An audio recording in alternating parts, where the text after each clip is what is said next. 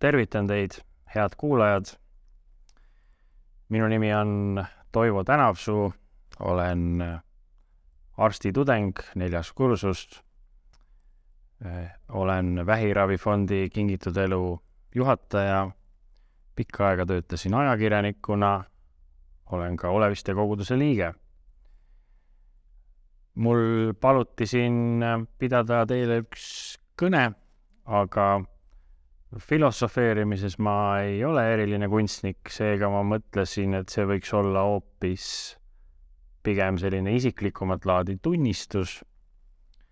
ja lõpuks annan siis teile ka veidi mõtteainet. sest äh, on ju nii, et äh, raske on rääkida asjadest, mida pole äh, omal nahal päriselt kogenud, isegi usust on teinekord väga raske rääkida sest usk on ju sageli pime.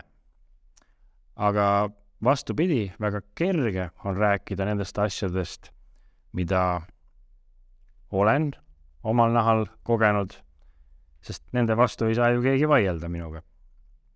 ja mul on niisugune teooria, et me kristlastena peaksimegi rohkem jagama, mis on meie südames, sest kui me oleme nagu niisugune anum, kuhu on koge-, kuhu on kogunenud äh, kogemused, ilmutused, julgustused vaimulikku laadi, siis me võiksime neid jagada oma sõpradega, oma kogukonnaga, sellepärast et ainult siis, kui me selle anuma oleme valmis tühjaks valama oma sõprade peale, saab Jumal sinna anda midagi uut ja värsket muidu ju ei saa, sest anum on täis. see oli väike sissejuhatus. nüüd teine osa, siin ma räägin natukene Jumala sõna. me teame, et Jeesus, kui ta käis maa peal, siis ta tegi mitmeid imetegusid, ta tervendas inimesi ja me loeme sellest Matteuse evangeeliumi eh, kaheksandast peatükist esimesed seitseteist salmi. ma loen need teile.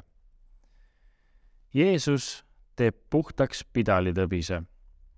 kui siis Jeesus tuli mäelt alla, järgnesid talle suured rahvahulgad. ja vaata, tema juurde astus pidalitõbine, kummardas teda ja ütles. issand, kui sa tahad, siis sa võid mu puhtaks teha. ja Jeesus sirutas käe välja, puudutas teda ja ütles ma tahan, saa puhtaks. ja ta sai otsekohe oma pidalitõvest puhtaks. ja Jeesus ütles talle, vaata, et sa sellest kellelegi ei räägi, vaid mine näita ennast preestrile ja ohverda and, mis Mooses on käskinud neile tunnistuseks. aga kui Jeesus tuli Kapernauma, astus tema juurde väeülem ja palus teda. issand, minu teener lamab kodus halvatuna maas, hirmsas piinas Jeesus ütles talle, kas ma tulen ja teen ta terveks? ent väeülem vastas, ei, issand, ma ei ole seda väärt, et sina mu katuse alla tuleksid. ütle ainult üks sõna ja mu teener paraneb. minagi olen ju inimene meelevalla all, aga minu käsu all on sõdureid ja kui ma ütlen ühele, mine ära, siis ta läheb. ja teisele, tule siia, siis ta tuleb ja oma teenijale, tee seda, siis ta teeb. aga seda kuuldes Jeesus imestas ja ütles neile, kes temaga kaasa läksid. tõesti, ma ütlen teile, nii suurt usku ei ole ma leidnud Iisraelis ühelgi. ma ütlen aga teile, et paljud tulevad idast ja läänest ning istuvad lauda Abrahami ja Iisaki ja Jaakobi, Jaakobiga taevariigis kuningriigi lapsed aga tõugatakse välja kaugele pimedusse, kus on ulgumine ja hammaste kiristamine. ja Jeesus ütles väeülemale, mine, nagu sa oled uskunud, nõnda sündigu sulle. ja tema teener paranes sel samal tunnil. ja Jeesus, tulnud Peetruse majja, nägi tema ämma lamavat palavikus ja Jeesus puudutas ta kätt ning palavik lahkus temast ja ämm tõusis üles ning teenis teda. aga õhtu jõudes toodi Jeesuse juurde palju kurjadest vaimudest vaevatuid. ja ta ajas neist vaimud välja sõnaga ning tervendas kõik haiged. et läheks täide, mida on räägitud prohvet Jesaja kaudu. ta on võtnud ära meie haigused ja kandnud meie tõved. aamen. Kolmandas osas räägiks ma natukene isiklikumat lugu teile Äh, piibel ütleb meile, et ta tervendab meie ihu, hinge ja vaimu kui tervikut. ja et Jumal armastab oma lapsi. aga võib-olla sa oled mõelnud, nii nagu mina olen vahel mõelnud ka, et jah, armastab küll, aga, aga äkki ikkagi teisi lapsi natuke rohkem kui mind. Jah, ta tervendab, aga pigem võib-olla kedagi teist, jah, ta toob mingeid lahendusi, aga ikkagi need paremad, suuremad lahendused raskematele olukordadele kellegi teise ellu. mina olen kristlane olnud umbes kakskümmend aastat. tulin Oleviste kogudusse kahe tuhande neljandal aastal ja ma olen ikka ja jälle igatsenud, et ma võiks oma elus väga isiklikult näha kogeda neid suuri imetegusid, vahetuid imetegusid. ma ei ole näinud rääkivaid eesleid, põlevaid põõsaid, surnust ülestõusmisi ja muud säärast. aga ma kogen Jumala õnnistust oma elus pigem nagu tahavaatepeegli kaudu. Jumal on õnnistanud mind ilusa perega, mul on terved lapsed, saavad hästi hakkama saan teha evangeelset tööd äh, koos ülistuskoori Ekleesiaga. mul on olnud väga põnev tööalaselt kogu aeg. ja, ja mis eriline, Vähiravifond Kingitud elu. kümme aastat tagasi, kui minu ema oli väga haige, siis me palusime Jumalalt, et, et Jumal võiks anda talle tervist, võiks anda talle veel aega juurde. ja, ja Jumal tegi tegelikult üle meie palve ema sai aega juurde, aga vähiravifondist on üheksa aasta jooksul abi saanud veel ligi kaks tuhat inimest. me oleme annetustena kokku kogunud ligi kakskümmend miljonit eurot, selle kõik inimeste ravide alla pannud. nii paljud inimesed on saanud väga kallist lootust ja, ja elupäevi, elulisa. nii et see on olnud üks suur jumala ime, see fond. Ja ja nii ma nagu hoian mõistusega kinni sellest faktist, et Jumal jah, armastab mind. aga nagu öeldud, olen, olen igatsenud teda kogeda veelgi vahetumal moel.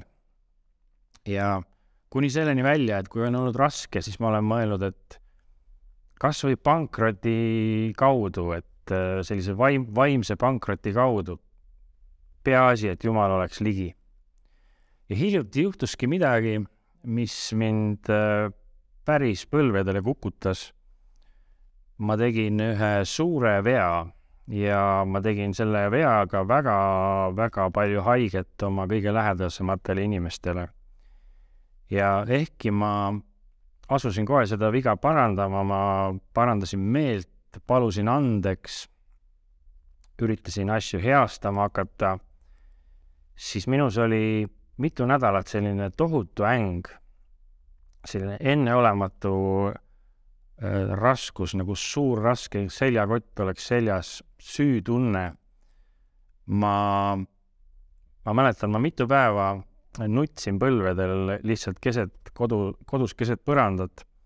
et, et palusin, et Jumal mulle andestaks, otsisin sellist, sellist meelerahu aga, aga füüsiliselt oli nagu valus olla, ei olnud, ei olnud töövõimet, oli kuidagi selline tunne, et roni või äh, küüntega mööda seina üles. ja õnneks sellistel puhkudel on olemas äh, head sõbrad, kes on valmis äh, üheskoos eest palvetama. ja me tegime ühe pika palve ühel õhtul. ja ma kogesin seda, kuidas hetkega minu see suur süükoorem võeti mu õlgadelt ära nagu nipsust. ja midagi niisugust vahetut ei ole ma koos Jumalaga käies varem mitte kunagi kogenud. tekkis selline vabadus, selline hingamine. jälle oli hea olla ja me hakkasime jälle seda, seda viga nagu heastama ja asju üles ehitama, mis olid ära lõhutud. jumal vabastas ja, ja tervendas mind.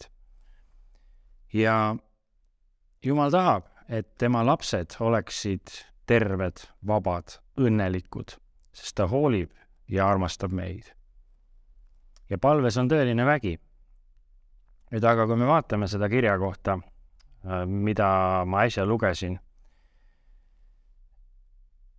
pidali tõbine ütleb Jeesusele, kui sa tahad, siis sa võid mu puhtaks teha. ja Jeesus ütleb, ma tahan, saa puhtaks ja pidali tõbine on hetkega terve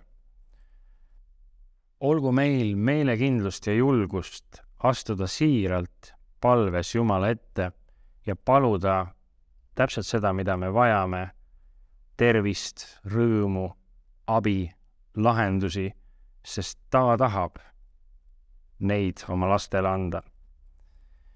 järgmisena see väeülem. See oli siis roomlaste, mitte juutide väeülem. tema teener oli halvatud hirmsas piinas. ja Jeesus muidugi küsib, kas ma teen ta terveks. aga väeülem ei, ma pole väärt, et mu katuse alla tuleksid. ütle ainult üks sõna, üks ainus sõna ja mu teener paraneb. sest väeülem oligi selline, selline mees, kes võis öelda oma alluvale, tule siia ja ta tuli, võis öelda mine ära ja ta läks. kõik, mida see väeülem siis nagu käsu läbi või kuidagi sellisel otsekohesel moel ütles, see sündis. ja Jeesus imestas väeülema usu suuruse üle. ütles talle, mine, nagu oled uskunud, nõnda sündigu sulle. ja teener paranes, aga milles siis seisnes selle väeülema usu niisugune fenomen, miks Jeesus imestas selle üle? Äh, see väeülem teadis ja uskus, et Jeesus on võimeline tervendama, öeldes kas või ühe sõna. aga mis selles nii erilist on, et kas siis meie ei usu seda, et Jeesus on sellisel viisil võimeline tervendama ja lahendusi tooma? aga ma leian, et see ongi selline päris usk või päris usaldus. et mõtle hetke, mis oleks siis, kui kõik kristlased Eestis, homne päev, öö, otsustaksid, et nüüd me hakkame piiblit kohe päris tõsiselt võtma ja päriselt uskuma, et Jumal kuuleb palveid, et ta tervendab inimesi, et piibli tõotused kehtivad viimase kui üheni